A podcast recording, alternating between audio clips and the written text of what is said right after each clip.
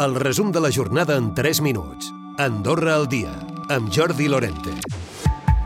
Bon ritme de votants a la Vallia en el primer dia en què s'ha habilitat el vot judicial per a les eleccions del 2 d'abril. Unes 200 persones haurien exercit ja el seu dret a vot. La seu de la justícia ha rebut els electors que han anat dipositant el sufragi des de les 9 del matí i fins a les 7 de la tarda. De fet, aquest serà l'horari de dilluns a divendres, mentre els dissabtes serà de 9 a 1 del migdia, fins i tot el dia 1 d'abril, el dia de la jornada de reflexió, la víspera dels comicis. És la primera vegada, per cert, que la nova seu de la justícia acull el vot judicial d'uns comicis.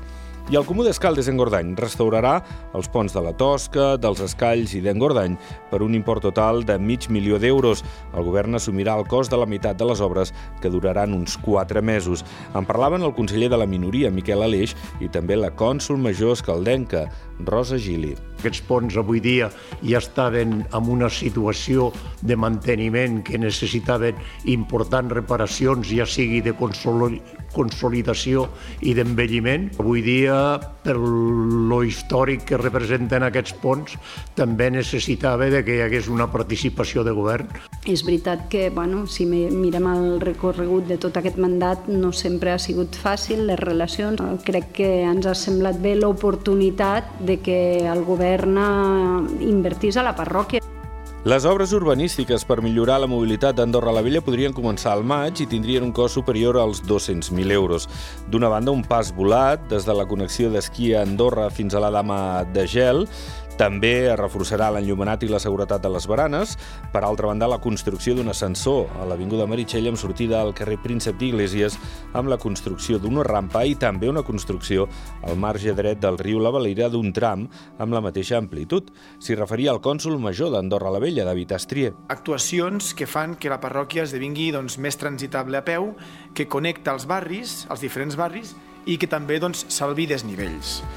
La mobilitat de les persones sempre ha sigut un tema en el qual doncs, el Comandant de la Vella s'ha esforçat de treballar moltíssim. I el nou ambaixador d'Eslovàquia vol reobrir el consulat a Andorra. L'objectiu és crear vincles entre els dos estats i el teixit empresarial, per exemple, en matèria de reciclatge.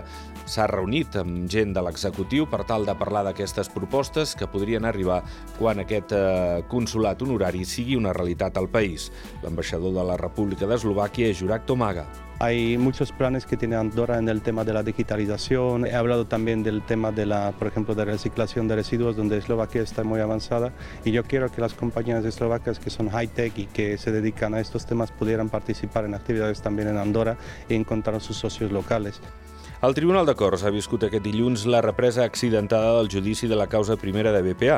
El motiu és que quedaven dues acusades per declarar que estan de baixa i no hi ha data prevista de recuperació. Per aquest motiu, els magistrats han decidit, tot i la protesta d'alguns lletrats, començar a valorar les proves documentals.